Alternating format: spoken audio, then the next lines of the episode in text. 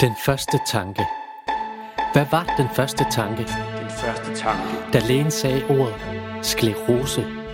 Du har multipel sklerose. Du har multiple sklerose. Lige i det øjeblik, da ordet ramte din trommehinde og blev forvandlet til små elektroniske signaler, der hastigt løb over hjernebakken for at forvandle sig til en tanke. En følelse. Frygt, fortvivlelse. Afklaring. Uvidshed, vidshed og forvirring. Hvad er sklerose egentlig? Du lytter til en podcast, der indkredser sygdommen med de mange ansigter.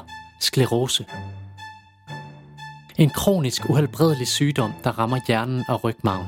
En sygdom, der kan give nedsat førlighed, Førlighed. dårligt syn, Dårligt syn. lammelser, Koordinationsvanskeligheder. hukommelsesvanskeligheder, kronisk træthed. Der kan, kan er et vigtigt ord i denne kontekst. Hvordan sygdommen udvikler sig, kan være lige så forskellig som de personer, der får diagnosen. Mange mennesker med sklerose går gennem livet stort set uden gener, eller med tab af førlighed, som er til at leve med. Et liv med sklerose kan som alle andres være et liv med håb, drømme, kærlighed, op- og nedtur. Men uanset hvordan sygdommen udvikler sig, har alle med sklerose én ting til fælles.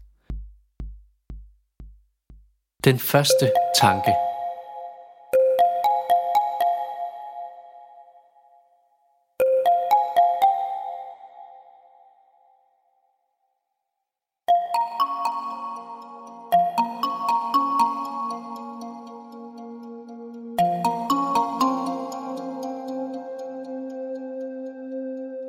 Velkommen til første kapitel af Sklerose-podcasten. En podcast, der er udgivet af Roche AS. Lyt, lær og forstå sygdommen multiple sklerose, når vi i første sæson guider dig igennem de mange aspekter af sklerosen. Her får du kapitel 1, den første tanke.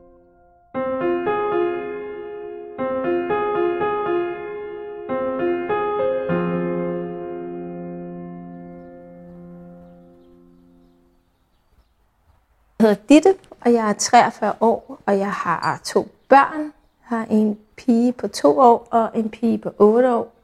Og jeg er alene med dem begge to. Den lille blev jeg alene med, da jeg var gravid i 7. måned. Det har været ret hårdt at skulle øh, tage sig af sådan to. De ser så begge to deres far. Øhm, så, så det er jo godt. Øhm, så har jeg arbejdet med tv. Øhm, jeg startede på Nordisk Film, da jeg var 17 år. Min far har også altid lavet tv, så øh, jeg er nok sådan opvokset med det Øh, helt fra barnsben, så jeg har aldrig rigtig sådan lavet andet end det. Øh, jeg har startet med at sætte bogstaver op i ordgådetavlen i lykkehjulet. og jeg har været med til at lave elevatoren og mandagschancen og alt det der på Nordisk Film. Og så er jeg blevet uddannet tv-producer og har lavet Big Brother og Paradise Hotel og alt muligt reality. Og så startede jeg med at lave øh, levende billeder på nettet, som en af de første i Danmark. Og har været med til at starte det op, web-tv, op på øh, Berlingske og BT og Jyllandsposten og alle mulige forskellige hos SOS Børnebyerne. Øhm, og lige nu, der øhm, har jeg lige afsluttet en sygemelding. Øhm, og jeg havde sådan en kontrakt, der sluttede på TV2 her først i 8. Så øh, nu skal jeg ud og, og finde ud af, hvad jeg så skal lave. For det bliver i hvert fald ikke det samme, som jeg har lavet før.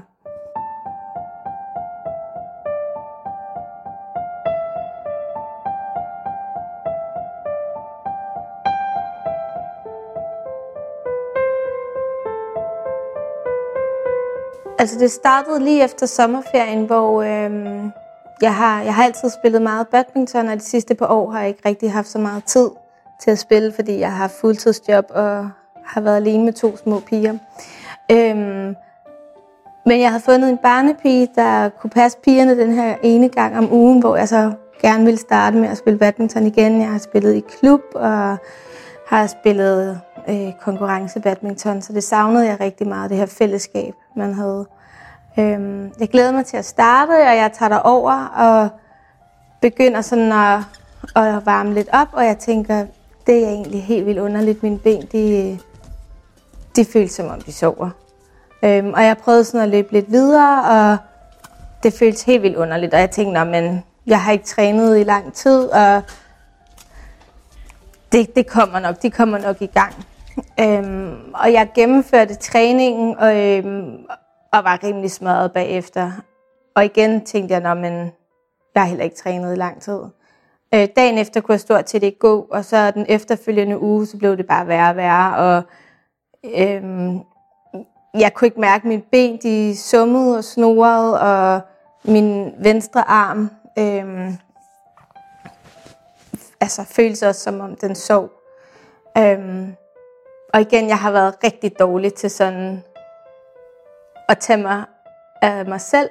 Øh, jeg har aldrig sådan været god til at gå til lægen og sådan noget, så jeg, jeg tænkte, men det går nok over. Indtil jeg så møder min nabo en dag, og så siger jeg til hende, det, det er sgu egentlig lidt underligt, fordi jeg kan ikke rigtig mærke min ben. Og så siger hun, hvad siger du? Nu går du altså ind, og så ringer du til din læge. Og det gjorde så, at hun havde selvfølgelig tre ugers ferie. Det var lige midten af august måned. Øhm, og så siger hun, så ringer du altså 18-13. Og jeg siger, nej, nej, hvad skal, det er jo ikke akut, jeg er jo ikke ved at dø, og hvad skal jeg sige til dem? Og, men hun får presset mig, og jeg ringer, og, og hendes sygeplejersken, jeg så taler med derinde, hun siger så, hun tager det sådan rimelig alvorligt, og siger, øhm, snorer det i armen, øh, og jeg kan jo godt sådan regne ud, at hun prøver at finde ud af, om det er en blodprop, eller hvad det er. Og jeg er sådan, det er jo ikke en blodprop, og jeg er jo ikke syg. Nej, men øh, og hun siger sådan, nu, nu tager du altså ind på, øh, på Bispebjerg på skadestuen og lige bliver tjekket. Og du ved, begge ungerne er i skole, og jeg skal arrangere, at der er nogen, der skal hente dem. Og jeg tænker, ej, det har slet ikke tid til, altså det her, det må vente. Men min, min, min nabo, hun insisterer, hun siger, nu tager du altså ind, og jeg tager med. Og... Så det gør vi så, og jeg humper og vralter ind på, på skadestuen, og min balance er jo også helt væk. Så jeg ligner jo en, der har en promille på en en halv.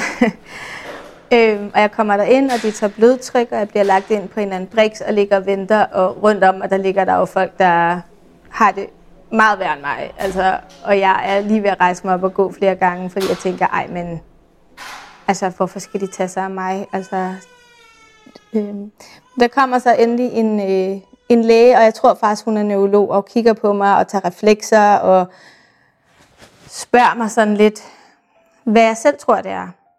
Og du ved, lige det, jeg havde lige nødt at google snoren i benene og arme, du ved, som man gør, og det eneste, jeg havde set, det var sådan, at det kunne være sklerose. Så det siger jeg til hende, jeg siger, det eneste, jeg sådan lige kan komme på, det kunne være, at det var sklerose.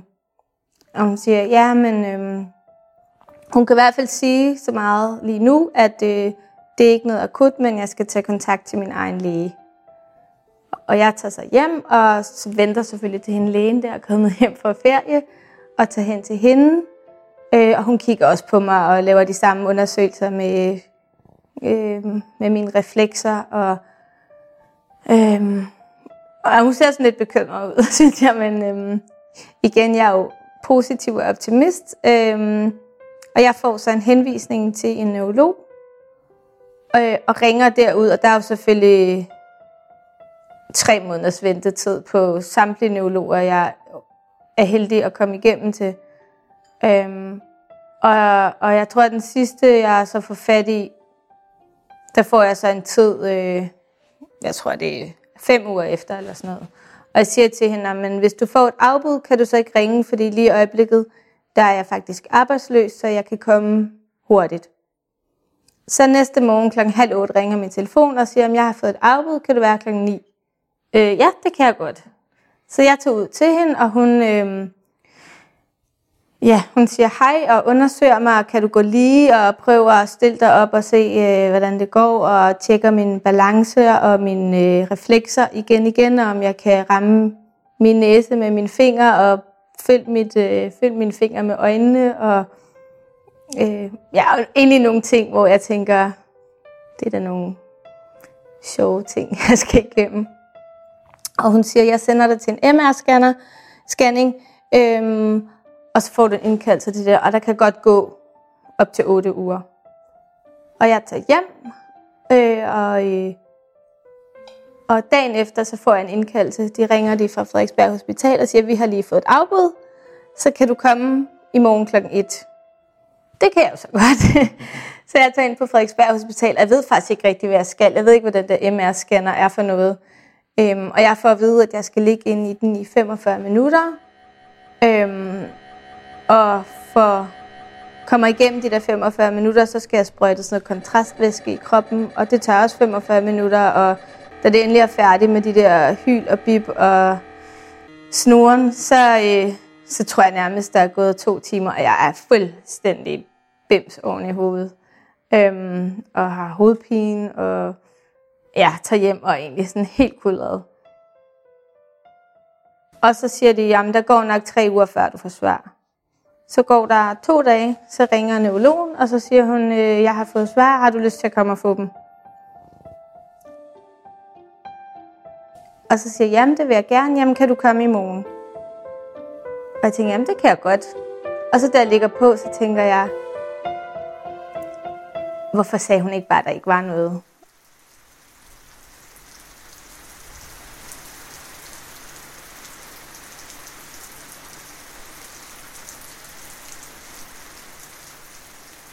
Så er det øh, onsdag den 13. september, og øh, det regner helt sindssygt, og det er det værste vejr. Og jeg kører derud til Østerbro, og øh, jeg kan godt mærke sådan i min mave, at øh, oh, det er ikke sådan helt rart. og jeg, øh, jeg kommer så ind til hende neurologen, og, øh, og hun siger, kom ind, så siger jeg, at jeg har taget min nabo med. Siger hun, jamen øh, det var også rigtig fint og sådan noget, vi kan bare bare ind. Og så siger hun, jeg har fået, øh, jeg har fået svar på, på din MR-scanning. Og øh, hun siger, hvad, hvad var det, du selv tænkte, eller troede, det var? Så siger jeg, jamen altså, mit øh, bud var jo, at det var sklerose. Jamen, det er det også. Og så sidder jeg bare, okay. Øhm, og så siger hun, øh, hvordan... Jeg kan faktisk ikke rigtig huske, hvad hun siger, men jeg tror, hun siger noget med, hvordan har du det med det? Og så siger jeg, øh, det ved jeg ikke. Og så kan jeg huske, at jeg kigger ud af vinduet, og så tænker jeg bare, det gider jeg simpelthen ikke have.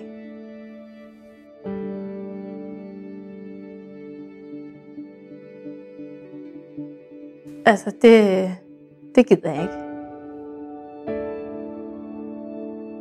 Og da jeg så lige har fået sådan samlet mig lidt, så siger hun, øhm, vil du spørge om noget? Øhm, og jeg kan huske, altså min nabo ser mere forfærdet ud end mig. Jeg tror ikke sådan helt, jeg fatter det. Og så siger jeg, jamen, altså, bliver jeg gammel? Og så siger hun, ja, det skulle da ikke være noget til hinder for. Og så siger jeg, er det, er det arveligt? Så siger hun, nej, men det er det ikke. Og så tænker jeg egentlig, Nå. Men så er det jo ikke så slemt. Og så siger jeg til ham, så tror jeg faktisk egentlig ikke, jeg har mere at spørge om. Øhm, og vi, vi afslutter faktisk konsultationen rimelig hurtigt. Øhm, og jeg tager hjem, og øh, min mor skulle faktisk komme samme dag, fordi hun, hun skulle hente børnene. Øhm, det gør hun en gang om ugen, og det har hun altid gjort. Og skole og vuggestue. Og jeg kommer hjem, og jeg tænker, øh, jamen, jeg siger ikke noget til hende lige nu, fordi altså, jeg havde simpelthen, der var gået en uge fra, at jeg var nede hos min læge første gang, til jeg ligesom stod med denne her diagnose. Så jeg tænker, jamen, jeg skal lige selv lige finde ud af, hvad det er. Men det kan man jo selvfølgelig ikke. Så da jeg ser min mor, så bryder jeg jo sammen og siger, jeg, mor, jeg har fået skælderose. Og hun er sådan, hvad, hvad for noget? Prøv lige, altså, hvad for noget? Så siger jeg, ja, øh, altså, øh, jeg har været, lige været til lægen, og øh, ja, og jeg ved ikke noget, og øh, men ja, min, min mor skal ned og hente de der børn, og de kommer hjem, og, og jeg, jeg tror bare, vi, jeg, jeg sidder sådan og slet ikke kan, kan ikke rigtig fatte det. Øh, øh, ja, og så kan jeg faktisk ikke rigtig huske, så tager min mor jo hjem der om aftenen, og øh, jamen så tror jeg egentlig, at jeg sådan de efterfølgende uger, der tager det jo lang tid med, og der prøver jeg at finde ud af, hvad, hvad jeg så skal, altså hvor jeg skal hen herfra, og hvad det betyder, og selv skal finde ud af, hvad er det her for noget, og hvordan skal jeg takle det.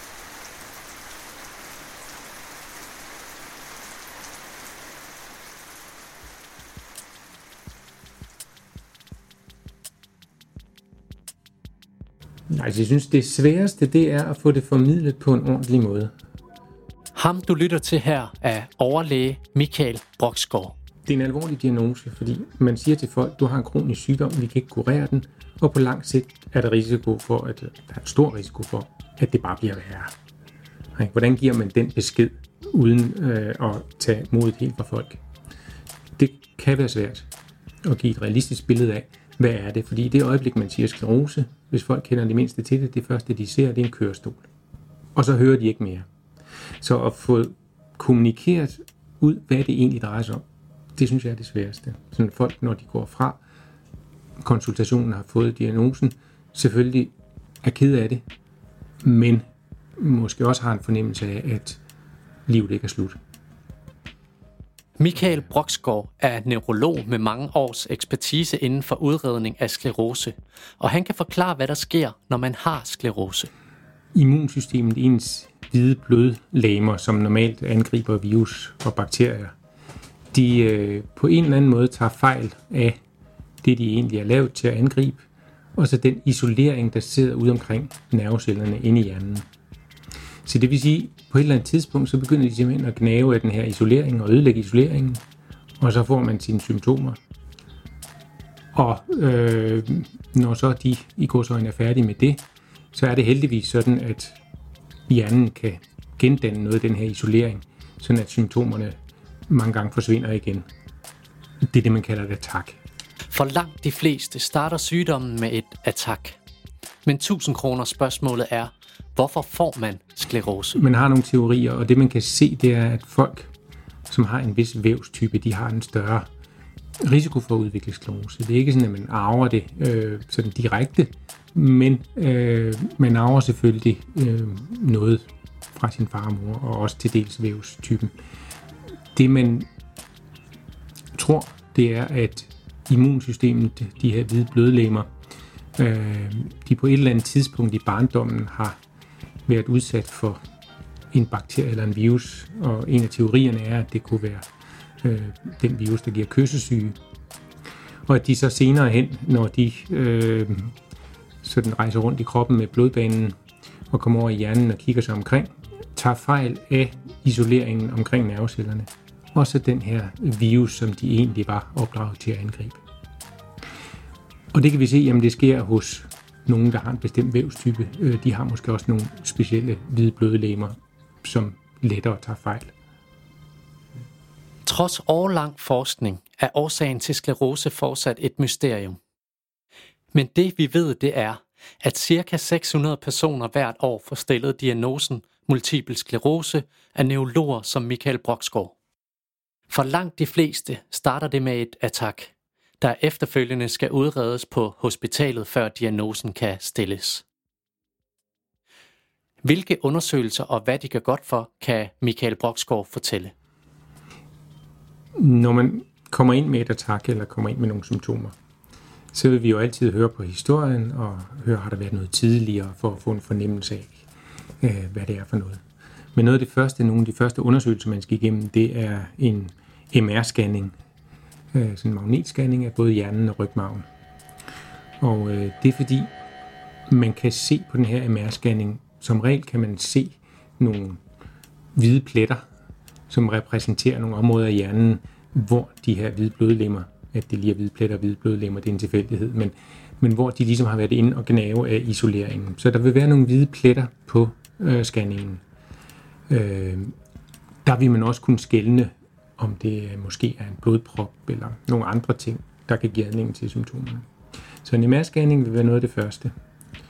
Så vil man som regel også øh, få foretaget sådan en, hvad vi kalder lumbalpunktur, men altså en i populær tale rygmavsvæskeundersøgelse, hvor man stikker en nål ind i ryggen og tager noget af den væske, der er ude omkring rygmagen, øh, tager den ud og analyserer for at se, om der skulle være en betændelsesagtig tilstand i hjernen, som sklerose er. Øh, man vil få taget en masse blodprøver, og det er for at udelukke en hel masse andre sygdomme. Man kan ikke tage en blodprøve og sige, at det er sklerose, men man kan udelukke en hel masse andre sygdomme. Nogle gange så vil vi også sende folk øh, til øh, det, der hedder en webundersøgelse. Det står for Visual Evoked Potential, og det er simpelthen en undersøgelse af synsbanerne, hvor man kan få en fornemmelse af, jamen har der været en synsnervebetændelse på et tidspunkt, fordi det ved vi også kan være en del af sklerose. Men det er typisk de undersøgelser, man kommer igennem. Og så bliver man selvfølgelig også undersøgt objektivt for at se, om arme og ben fungerer, som de skal. Kan man styre arme og ben? Øh, hvad med følesansen er den, som den skal være? Temperatursansen er den, som den skal være? Så er det jo så neurologens fornemmeste opgave ligesom at øh, sætte alle de her ting sammen og sige, jamen det tyder på, at det er det er det. Det er jo sådan, at når man giver diagnosen multiple sklerose, så skal man jo være 800% sikker. Så der er nogle kriterier, der skal være opfyldt. Og det er det, der hedder McDonald-kriterierne. Men McDonald-kriterierne er ligesom en algoritme, som, som sammensætter alle de her undersøgelsesresultater. Og sikrer, at når man giver diagnosen, så er man altså sikker. For fire måneder siden fik Ditte diagnosen. Efter den første tanke trænger nye spørgsmål sig på. Hvem og hvordan skal man fortælle om sin sygdom? Og hvad så nu? Lad os komme tilbage til Ditte for at høre, hvordan hun taklede situationen. Øh, nu var det så meget i forhold til, til job og hvad man gjorde. Og, øhm, men altså alle vil jeg sige tog det ret roligt. Jeg tror, at min mor var den, der tog det mindst roligt. Altså hun var jo virkelig, virkelig ramt bare af, hvad så nu? Og jeg tænkte bare, jamen, jeg ved det ikke. Altså, må bare tage en dag ad gangen. Altså, øhm, jeg kan jo stadigvæk gå, og jeg kan jo stadigvæk fungere. Altså, jeg kan huske en dag, hvor hun sådan sagde til mig, skal jeg ikke lige gå ud med skraldeposen? Hvor jeg sådan, mor, jeg er altså ikke død. Altså, øhm, men jeg tror, det, altså, det har været rigtig svært for hende, fordi hun jo ikke har vidst, hvad hun kunne gøre, og synes, det var helt forfærdeligt. Og det er det jo også, men altså, jeg kan jo ikke rigtig gøre noget ved det. Øhm, og hun havde rigtig meget brug for at tale med alle mulige om det. Og det sagde jeg til hende, det skal du gøre. Altså, du skal ikke holde det hemmeligt. Og jeg har heller aldrig holdt det hemmeligt for nogen. Øhm, altså selvfølgelig ikke sådan, at jeg går ud på gaden og møder en eller anden, jeg ikke har set i 10 år, og så er det det første, jeg fortæller. Øhm, men jeg fortalte det rimelig hurtigt til sådan naboer og gode veninder og venner. Øhm, fordi det havde jeg selvfølgelig også behov for, at, øh, at de også vidste, hvad der foregik. Øh, vi holdt sådan et forældremøde øh, lige efter det var sket, og der, der fortalte jeg det faktisk også til dem netop, fordi jeg gik så dårligt, og min balance var så dårlig, så jeg synes, det var pinligt, hvis de troede, at jeg var fuld, når jeg kom og afleverede eller hentede min datter op i skolen, at de så skulle stå og tænke, hvad sker der lige med hende der? Altså, går hun og drikker i smug, eller hvorfor øh, går hun lige ind i væggen? øhm. Og så gik der nogle måneder, og så skrev jeg egentlig sådan en fælles mail til sådan familie og de næreste venner omkring, øh, som jeg måske ikke sådan ser så ofte, men som jeg tænkte, øh, at det ville være meget rart, at de vidste næste gang, jeg måske mødte dem, så jeg ikke hele tiden gik og tænkte på, at hvis jeg mødte en, jeg ikke havde set et stykke tid, så skulle jeg fortælle det. Så synes jeg egentlig, det var meget rart, at jeg sådan skrev den her mail ud og skrev, sådan her er forløbet, jeg har det egentlig okay med det, men nu skal I bare vide det, og hvis I vil spørge om noget, så er I meget velkomne, men det er ikke noget, vi behøver sådan at, at tage op, og I skal heller ikke føle, at I, I skal gøre alt muligt for mig. Øhm, fordi jeg er stadigvæk den samme person.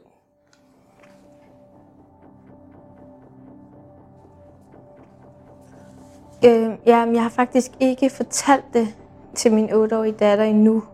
Øh, jeg ville have gjort det. Jeg har talt med hendes øh, klasselærer omkring, øh, at, at han også skal vide, når jeg ligesom har fortalt det, og hvis han kan se øh, nogle ændringer, eller hvis hun bliver ked af det i skolen eller noget, så vil han så også tage en snak med hende om det. Og det er jeg super glad for, at der er så meget fokus på det også. De har også nogle forskellige grupper øh, over i skolen, sovegrupper og skilsmissegrupper og sådan noget. Og der har han foreslået, at hun kunne komme med i en, hvis det var, at hun reagerede voldsomt på det. Øhm, ja, der har været sådan flere gange, hvor jeg tænkte, nu skal jeg også sige det og sådan noget, men hvor jeg også har tænkt, jeg skal altså også lige selv have det øh, på plads, og hvis hun spørger om et eller andet, så kan det jo ikke nytte noget. Jeg, alle mine svar er bare, det ved jeg ikke. Det ved jeg ikke. Det ved jeg ikke. Hvad er det for noget medicin? Det ved jeg ikke. Hvordan kommer det til at gå? Det ved jeg ikke. Øhm, så jeg tænkte, at det skulle også lige lande hos mig selv.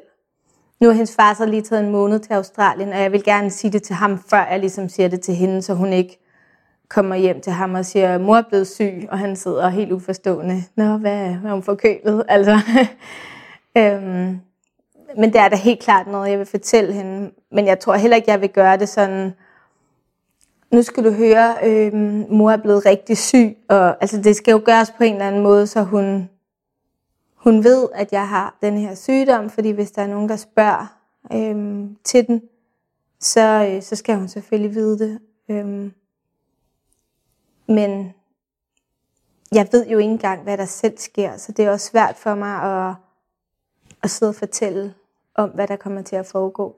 Jeg tror egentlig, jeg vil sige til hende, at, øh, at jeg har fået en sygdom, der gør, at jeg bliver lidt mere træt, og øh, at jeg er lidt mere træt i mine ben. Og jeg skal tage noget medicin, og jeg skal på Rigshospitalet og have taget nogle prøver en gang imellem. Altså hun, har jo, hun kan jo læse, så hun kan jo allerede læse i min kalender på telefonen, og hvad jeg ellers har skrevet små huskesedler, at der står, husk fysioterapi og husk ring til ride. Og det har hun jo allerede spurgt om, hvor jeg må sige, Nå, men det er bare noget gymnastik og sådan lidt, og du ved, øhm, ja, så jeg kan jo nok ikke gemme det for evigt. Som du måske er klar over, findes der forskellige typer af sklerose. Atakvis sklerose, det er den, som omkring 80% eller 85% har. To ud af tre, der får diagnosen atakvis sklerose, er kvinder i alderen 20-40 år. Hvordan det første attack ser ud, kan være meget forskelligt. Der sker det, at man får nogle symptomer. De kan komme i løbet af nogle timer eller dage, og det kan være alle mulige ting, afhængig af hvor i hjernen ligesom læsionen sidder. Det kan være, at man føler lige pludselig, at man ikke kan skrive ordentligt med højre hånd, at den bliver kluntet, og man ikke kan knappe knapperne. Eller det kan være, at øh, venstre ben begynder at snurre, og man har nogle føleforstyrrelser.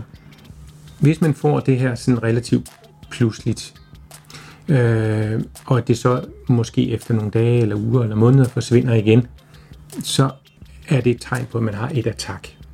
Og så har man den attackvis. Så risikerer man så, at der kan gå nogle måneder eller år, og så kan man få et nyt attack.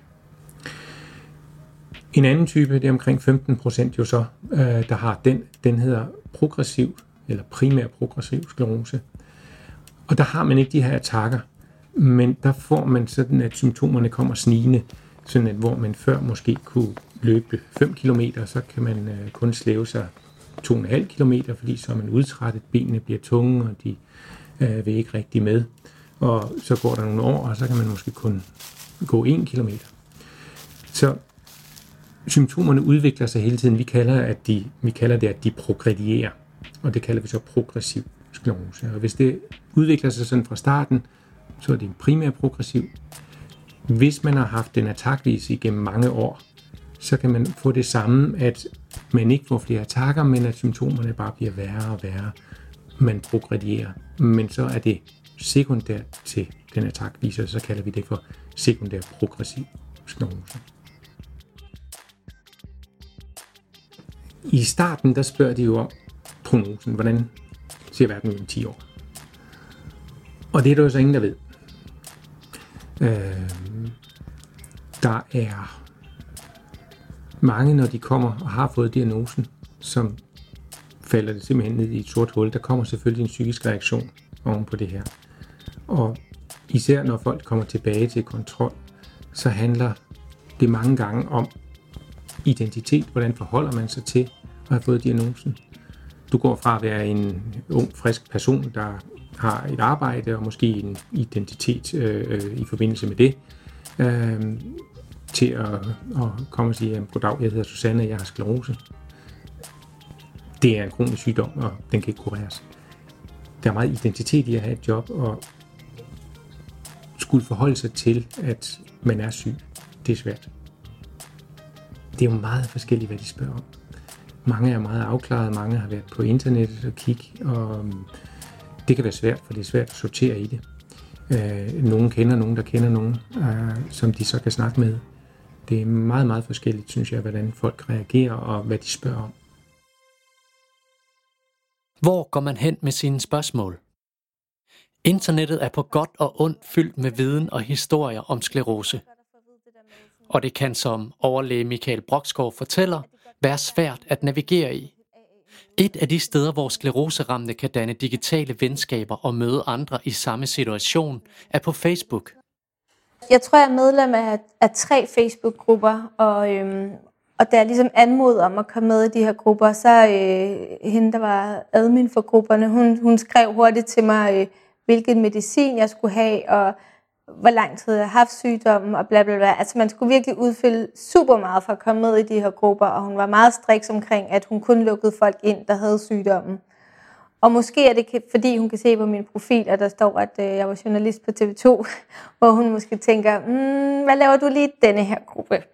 Men jeg fik lov at komme ind, og, øhm, og derigennem har jeg fået kontakt med to andre, som også var helt nye i det her. Og, øhm, og det har egentlig været meget rart, måske sådan bare lige at, at kunne skrive et par beskeder frem og tilbage. Altså jeg er ikke nødt til at møde dem endnu, men, men, men måske at kunne dele et eller andet med, hvordan går det med jer, eller I skal også til at starte op på det her medicin. Har I haft nogle bivirkninger?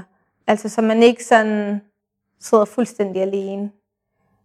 De holder også rigtig mange arrangementer og sådan noget i Skeleroseforeningen, og jeg har bare ikke, jeg synes, øh, jeg synes, det er sådan måske lidt grænseoverskridende også at komme til. Øhm, jeg er i hvert fald ikke nået dertil endnu. Ikke fordi jeg synes, arrangementerne er dårlige, men fordi jeg, også, jeg, jeg er ikke sikker på, at jeg helt ved, hvad jeg skal bruge dem til endnu. Øhm, og hvad det er for nogle folk, der kommer, fordi mange, der er i de her grupper på Facebook, har det jo meget, meget dårligere, end jeg har. Så det går jo... Altså mange af mange af opslagene på Facebook er jo meget... Øh, juhu, nu har jeg endelig fået førtidspension. Og jeg tænker, men det er jo ikke juhu. Altså, det må da være forfærdeligt. Øh, men det er jo selvfølgelig godt for dem, fordi de har været igennem et forfærdeligt forløb, og har sikkert smerter og alt muligt, og er blevet måske hundet rundt med kommune og sådan noget. Men, men det kan godt være lidt svært at læse nogle af opslagene derinde, fordi man bliver hurtigt sådan, øj, puha.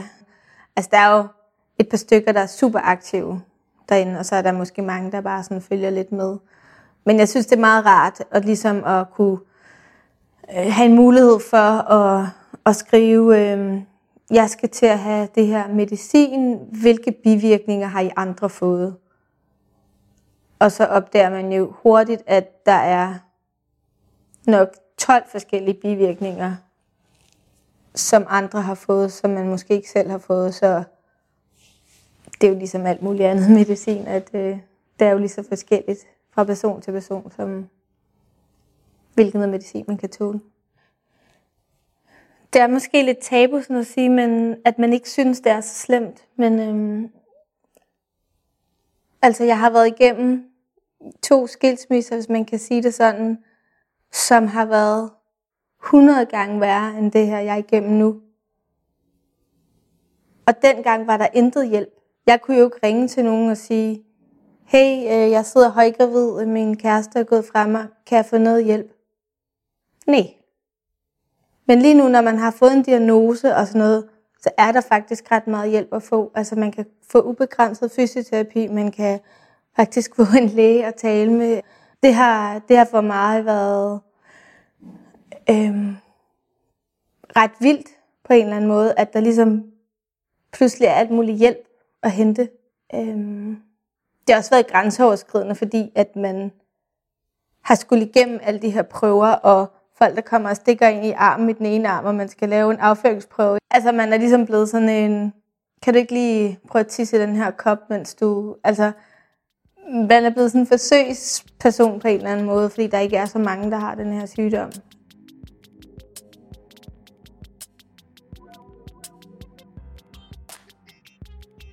selvom vi ikke præcis kan sige, hvor sklerose stammer fra, så kan vi fortælle, hvordan det er at leve med sygdommen. I de næste episoder af podcasten kigger vi på, hvad det vil sige at leve med sklerose. Du kommer til at høre sjove, sovmodige og inspirerende historier fra andre skleroseramte og deres pårørende. For mig er det jo meget sådan, jamen hvad så nu? Altså, det er sådan ligesom, det hele går ud på, nu skal du starte medicinsk behandling. Og nu har jeg været sygemeldt, nu er jeg raskmeldt. Jamen hvad så nu? Altså, hvordan ser min fremtid ud?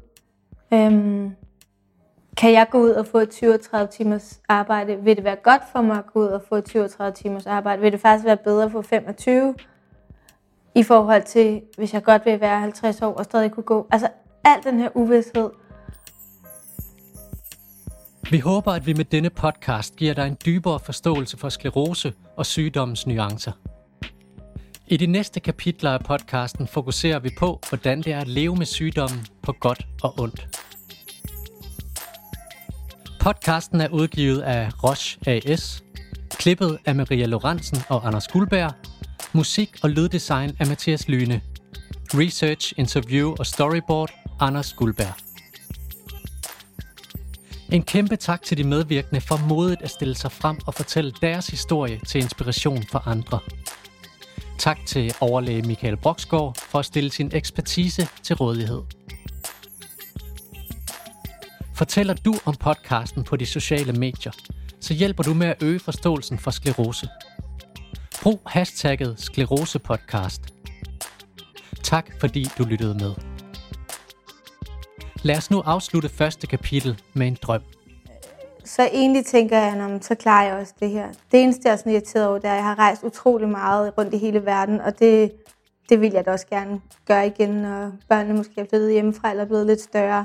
Og der kan jeg godt tænke sådan, okay, så kommer jeg i hvert fald nok ikke lige til at bestige Himalaya, eller måske gør jeg, så må det jo bare blive i, en eller anden bærestol, eller, eller på øh, en kørestol, der kan blive hejst op, øhm, hvis jeg ikke kan gå længere. Øhm, altså man må bare tage tingene, som de kommer, så man jo, altså, mit synspunkt er egentlig bare at tage en dag ad gangen, og så se, hvor man ender.